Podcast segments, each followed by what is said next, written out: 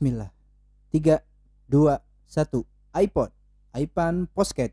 Eh, iPan Podcast. Mulai.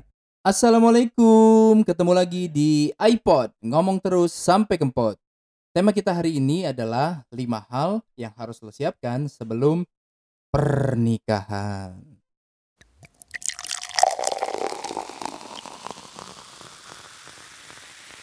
Ya, sesuai dengan janji gua kemarin ya, hari ini gua bakal bahas tentang persiapan pernikahan, tapi sebelumnya eh Paper in Rose Wedding ini baru banget bikin baju kantor, itu warnanya kayak pegawai kelurahan ya. Gue udah kayak palurah di sini sambil podcast. Bicara tentang pernikahan, nikah itu adalah impian setiap manusia. Kenapa? Karena lo nggak pernah ngeliat kan binatang lagi jab kabul. Misalnya gitu ada kambing lagi nikah kan, terus yang jadi saksinya itu ayam. Tapi ayamnya bukan ayam kampus ya, soalnya kalau misalnya akad nikah kan pakaiannya harus sopan. Nah, jadi nikah adalah hal yang paling diinginkan bagi setiap manusia. Yang bujangan pasti pengen nikah, yang duda juga pasti pengen nikah lagi.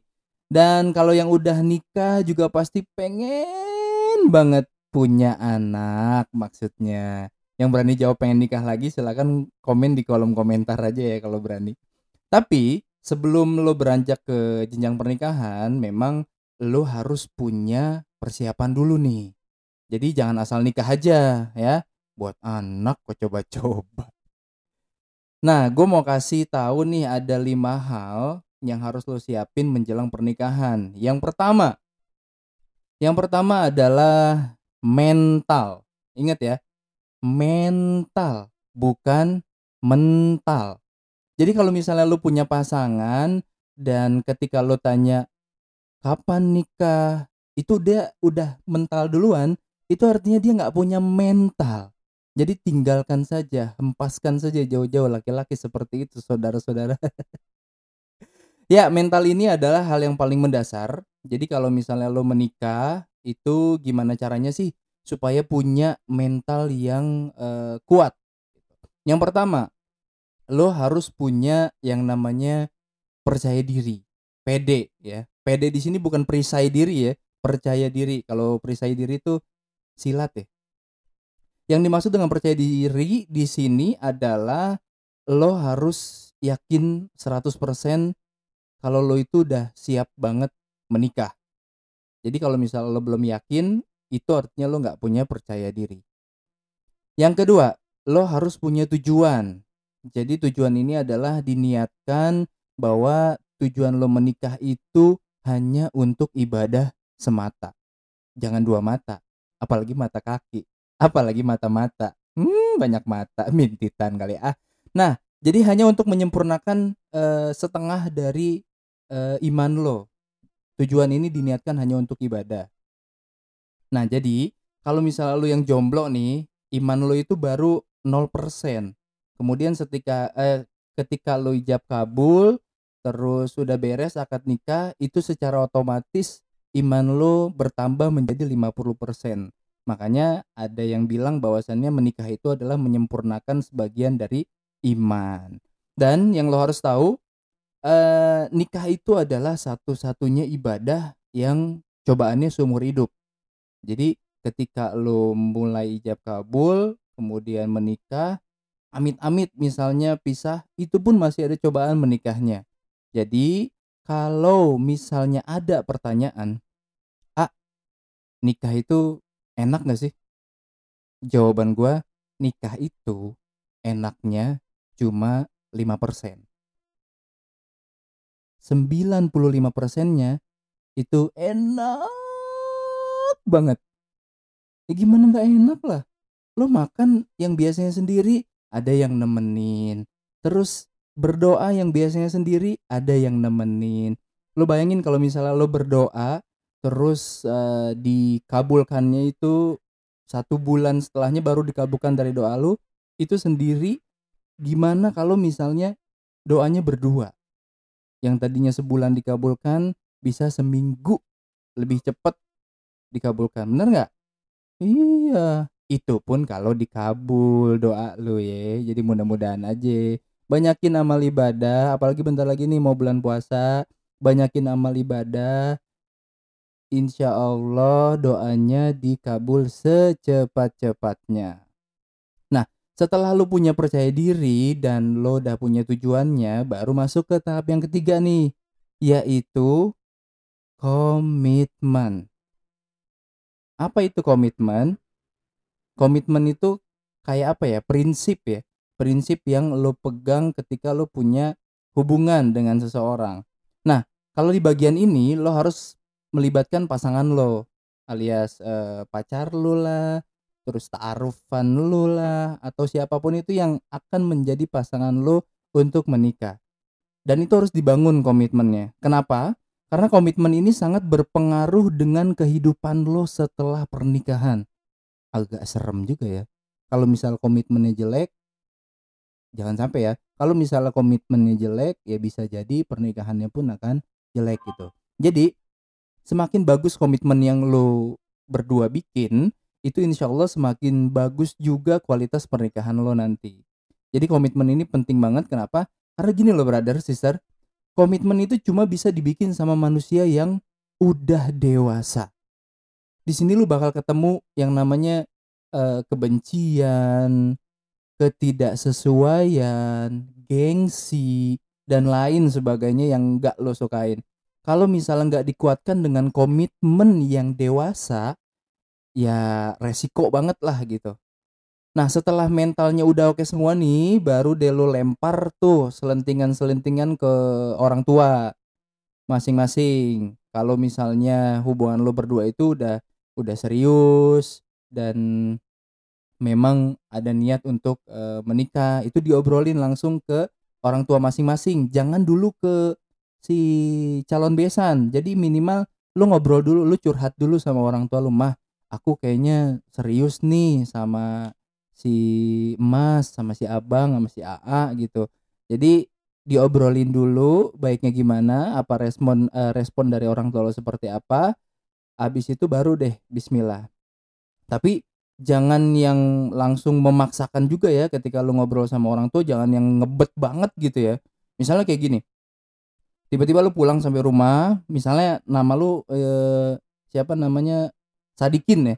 Misalnya namanya Sadikin. Ah Sadikin mau nikah nih sekarang juga. Bapak mana? Bapak mana? Gitu. Bapak eh mak lu langsung bilang di jonggok kayak si wakwa ya. Intinya santai aja obrolin baik-baik curhat aja kayak kayak orang tua sama anak gimana sih? Santai tapi eh, ceritanya tuh memang serius bahwasannya lo mau menikah gitu kan.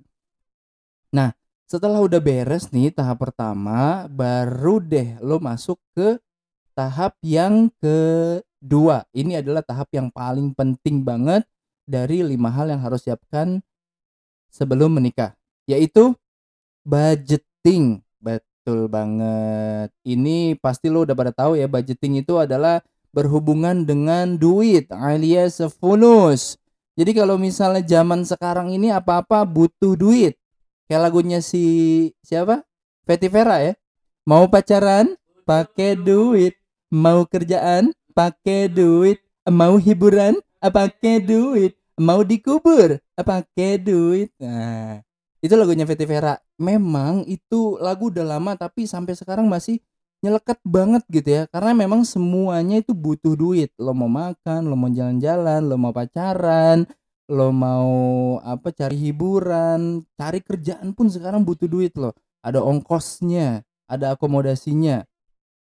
Jadi uh, dalam tahapan budgeting ini adalah hal yang paling penting dalam persiapan pernikahan. Ini harus disiapkan matang-matang tapi juga jangan terlalu matang banget ya nanti gosong kayak pantat panci.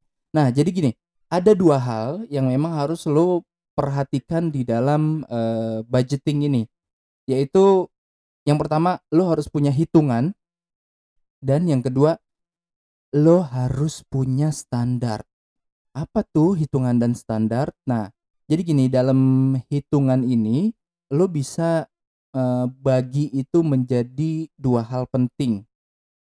Yang pertama, hitungan sebelum menikah dan hitungan setelah menikah. Contohnya misal gini.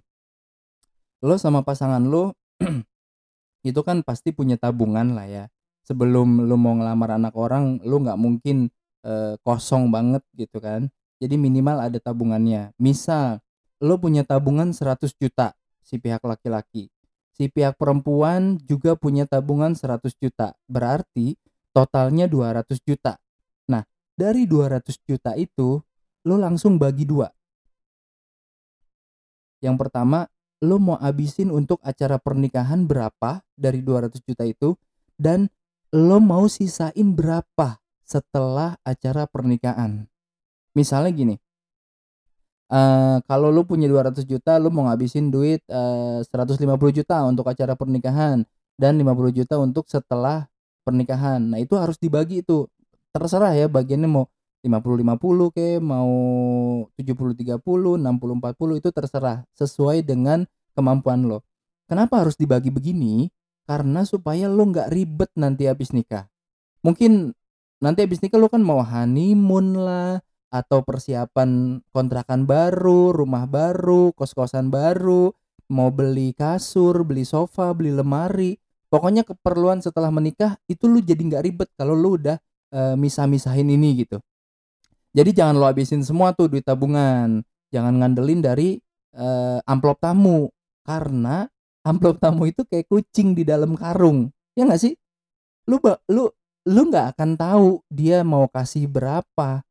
Nanti ketika udah beres acara, kotak angpaunya dibuka, ada yang kasih ceban lah, ada yang kasih jigo lah, ada yang bahkan amplopnya kosong. Nah itu lu nggak nggak akan tahu dan itu nggak bisa diandalkan untuk uh, tabungan setelah pernikahan lo. Oke, misal untuk acara pernikahan lo mau habisin 150 juta tadi dan setelahnya lo juga punya sisa tabungan 50 juta untuk setelah pernikahan.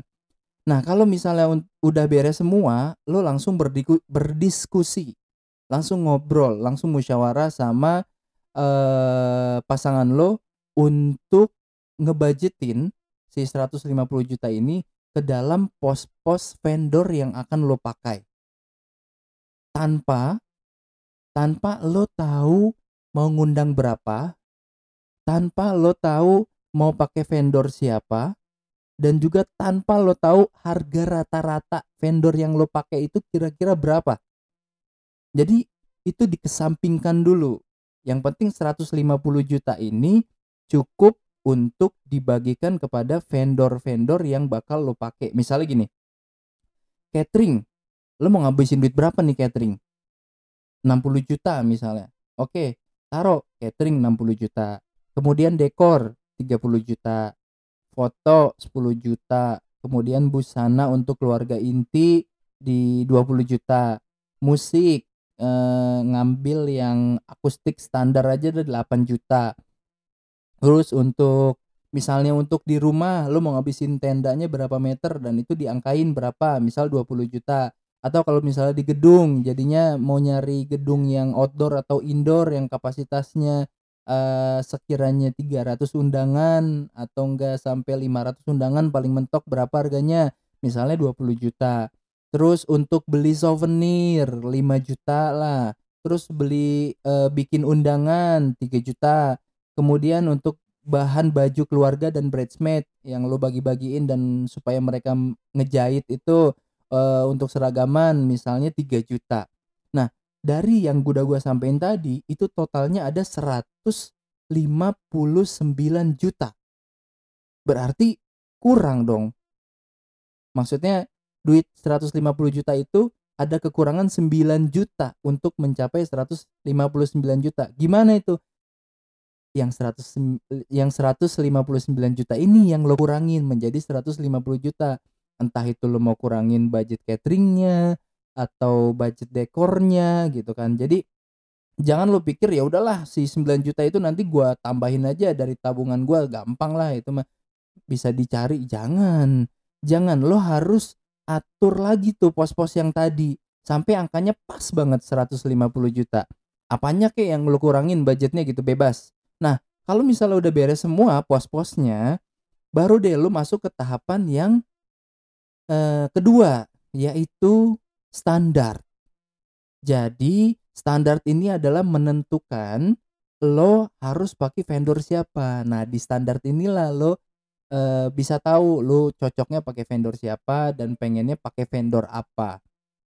Misalnya gini, ada sahabat lo mungkin atau, eee, influencer mungkin atau artis yang nikahannya bagus dan itu bisa dimasukin ke dalam standar lo. Misalnya ada influencer si A misalnya ya, pakai vendor gua nih, Paper and Rose Wedding buat, eee, dekorasinya. Terus lu tanya tuh ke si Paper and Rose Wedding, ke si vendor itu, "Untuk nikahan si influencer ini harganya berapa sih?" Gitu. Nah, ketika si vendor itu udah nyebutin harganya, lo masukin tuh ke dalam si budget lo. Masuk nggak nih ke dalam standar lo dari budget vendor yang udah lu pos-posin tadi. Kalau misalnya masuk, ya udah tinggal di checklist. Tapi kalau nggak masuk, lu cari lagi yang lain. Tapi kalau misalnya emang si influencer itu udah pakai Paper and Rose Wedding, insya Allah masuk ke dalam standar lo karena harganya murah-murah. Apalagi sekarang nih eh, ada promo nih Paper and Rose kan resepsi cuma 110 juta. Udah dapat mobil Alphard untuk mobil pengantinnya. Terus ada lagi paket akad itu cuma 20 juta. Terima beres lu tinggal bawa badan aja terima jadi. Itu Paper and Rose Wedding lagi bikin promonya dan pasti masuk banget ke standar lo. Tapi si standar ini diukur dari kemampuan pribadi lo, ya. Ingat, diukur dari kemampuan pribadi lo, bukan diukur dari kemampuan sosial lo. Bukan diukur dari kemampuan lingkungan lo.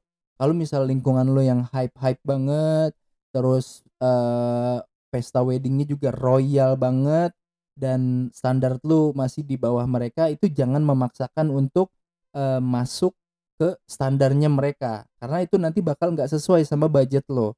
Gitu. Jadi ikutin budget lo jangan ikutin standar lo. Ya budget dulu baru nentuin standar. Nah setelah itu baru masuk yang ketiga. Ini juga lumayan penting dalam persiapan pernikahan yaitu musyawarah keluarga atau biasanya gue nyebutnya musga. Musyawarah keluarga.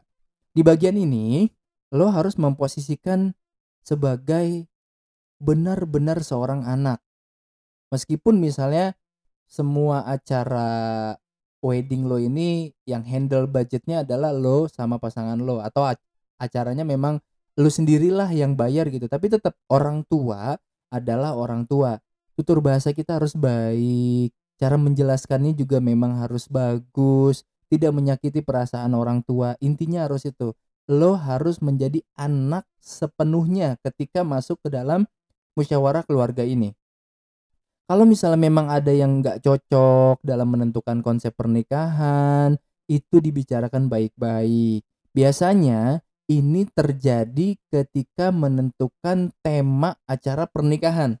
Misalnya gini lo mau acara lo itu konsepnya internasional ya kan? Dan susunan acara bajunya dekornya semuanya juga internasional. Sedangkan nyokap lo atau enggak orang tua lo itu pengennya adat. Terus adatnya kental lagi kan? Kayak Inggris bocah SD lo tau gak Inggris bocah SD kan? Kental banget kan? Nah itu gimana kalau misalnya kejadian kayak gitu? Cari jalan tengahnya. Jalan tengahnya benar-benar dicari dimusyawarahkan namanya juga musyawarah keluarga jadi mencari mufakat di tengah. Misalnya gini keluarga lo itu pengennya adat adatnya adat Jawa misalnya. Oke nggak apa-apa upacaranya adat Jawa bajunya juga adat Jawa. Tapi dari lo nih lo uh, ngomong ke orang tua lo tapi kalau dekorasinya pakai internasional nggak apa-apa kan? Atau enggak aku maunya yang rustic nggak apa-apa kan? Atau enggak industrial nggak apa-apa kan? Atau musiknya jangan yang Jawa-Jawa banget juga aku maunya yang akustik atau enggak jazzy atau enggak pop atau apa segala macam itu lu utarakan. Jadi ketika memang orang tua lu pengen adat dan lu pengen internasional jadi dicari nih selaknya nih. Yang mana yang bisa diakalin pakai adat dan bagian mana yang bisa diakalin pakai internasional. Tapi kan kalau kayak gitu nabrak. Bagus nggak sih hasilnya? Bagus banget. Tenang aja. Sekarang kalau misalnya di wedding itu banyak banget konsep yang nabrak-nabrak. Asal punya referensi yang bagus, punya taste yang bagus, pasti hasilnya insya Allah oke okay banget. Jadi banyak unsur kok kalau misal di wedding nih yang bisa lo mainin, yang bisa lo tak-atik. Atau uh, satu kasus lagi misalnya yang sering dialamin, lu pengen nikah pakai wedding organizer. Sedangkan keluarga lu, biasanya sih tante-tante lu itu pengennya pakai udahlah pakai panitia keluarga aja. Kita juga udah sering kok uh, handle pernikahan keponakan-keponakan kita, saudara-saudara kita, jadi nggak usah lah pakai wedding organizer. Nah, kalau untuk masalah wedding organizer nanti kita bahas ke uh, tahap yang keempat ya, yaitu masalah teknis acara. Intinya, apa pun keadaannya, ketika ada ketidakcocokan, itu harus tetap dikomunikasikan. Harus tetap uh, harus tetap dimusyawarahkan dengan tata bahasa yang baik, dengan tata bahasa yang sopan, dengan uh, jalan tengah yang mufakat. Jadi intinya dimusyawarahkan dulu lah. Karena gini loh, kalau misalnya lo nggak ketemu uh, jalan tengahnya, itu biasanya ada emosi-emosi yang muncul ketika bermusyawarah. Mama nih apa sih ngatur-ngatur aku orang aku ini yang bayar sendiri kok. Nah itu jangan sampai kesebut kayak gitu. Nanti orang tua bilang mentang-mentang lo ya. Nah, ketika ada ucapan seperti itu, takutnya ini menghambas eh, menghambat proses selanjutnya. Lu jadi nggak nyaman untuk nyiapin apa-apa, terus eh, ada aja kendalanya gitu. Biasanya itu ya dari orang tua sih, meskipun memang orang tua tidak mendoakan yang buruk-buruk lah dalam proses eh, pernikahan, tapi tetap kalau misal komunikasi lo baik, cara penyampaiannya baik, dan cara menjelaskannya pun baik, insya Allah orang tua pun bisa menerima dan ngerti gitu bahwasannya ini hal yang terbaik untuk anaknya gitu brother sister. Nah sekarang kita masuk ke tahap yang keempat. Tahap yang keempat itu eh, mencakup tentang teknis acara. Jadi seperti yang udah gue mention di awal, musyawarah tadi eh teknis acara tentang si apa namanya wedding organizer sama panitia keluarga itu memang harus diperhatikan banget ya. Karena ini berkaitan dengan hari hak pelaksanaan cuy. Kagak bisa diulang, kagak aci itu. Pokoknya harus rapi, aman, nyaman, tentrem, eh pokoknya harus oke okay lah gitu. Solusinya gimana? Ya memang wedding organizer ini jadi solusi untuk bikin acara lo jadi rapi. Kenapa? Karena mereka adalah orang yang dibayar untuk ngurusin acara lo di hari H itu secara profesional. Ingat ya, secara profesional. Artinya itu mereka dibayar untuk ngurusin acara lo ya memang profesinya dia itu gitu ini ngebantu banget karena dia juga yang bakal uh, melancarkan komunikasi ke vendor-vendor yang udah lo ambil ke vendor-vendor yang bakal tampil. Ibaratnya apa ya? Jadi uh, mereka ini jadi kaki dan mata lo nanti ketika di hari H acara. Jadi lu nggak mungkin kan? Misal uh, tamu lagi salam salaman nih terus ada yang nanya ke eh, apa namanya lo nanya ke tamu nih misalnya nama lo Sadikin Sadi Sadikin lagi. Ya oke lah misalnya namanya Astuti gitu ya asal kentut mati.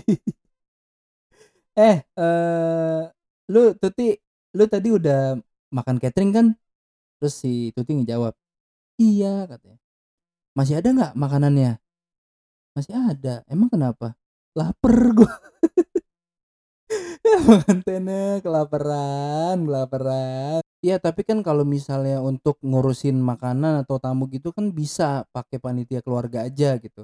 Bener, emang bisa, tapi nggak expert, nggak jago gitu. Soalnya gini loh, rata-rata kalau misalnya acara cuma pakai panitia keluarga doang, itu rasanya bakal ada di pas pertengahan acara jadi mereka udah udah udah pada nyebar tuh ada yang ketemu temen arisannya ada yang ketahuan lagi selfie di foto booth ada juga yang lagi ngantri di panggung musik soalnya dia mau nyanyi juga gitu kan. Eee, intinya nyebar dah, soalnya kalau misal di pesta, lu kudu paham nih, emak-emak di Indonesia juga masih pada doyan party, doyan pesta.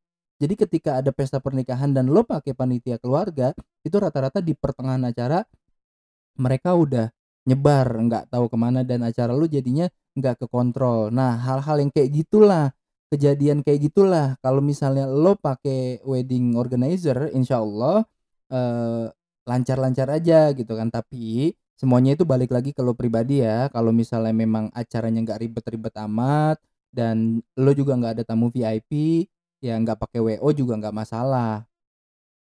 Nah, langsung masuk ke tahap yang terakhir. Ya, tahap ke-5. Ini adalah tahap yang paling akhir dari persiapan pernikahan. Tahap kelima ini adalah bersyukur kepada Allah. Harus bersyukur, brother, sister, karena nanti ketika acaranya memang udah selesai nih, ada hal-hal yang gak sesuai dengan ekspektasi lo, entah itu dari vendornya atau dari keseluruhan acara, itu pasti ada yang gak sesuai dengan harapan lo. Lo harus tetap bersyukur karena banyak banget di luar sana yang gak bisa menikah. Jangankan untuk menikah ya, punya resepsi kayak lo misalnya. Buat akad aja mereka harus berjuang keras, tau nggak? Buat bisa wujudin, aduh gue pengen akad nih, pengen nikah gitu kan. Apalagi resepsi gitu, kagak kesampean. Itu banyak banget di luar sana, bener deh. Jadi lo harus selalu ngerasa beruntung. Harus selalu ngerasa beruntung bahwasannya lo bisa menjalankan pernikahan dengan resepsi yang udah lo eh, damba-dambakan gitu. Karena di sana serius banyak banget, banyak banget yang udah mapan ya.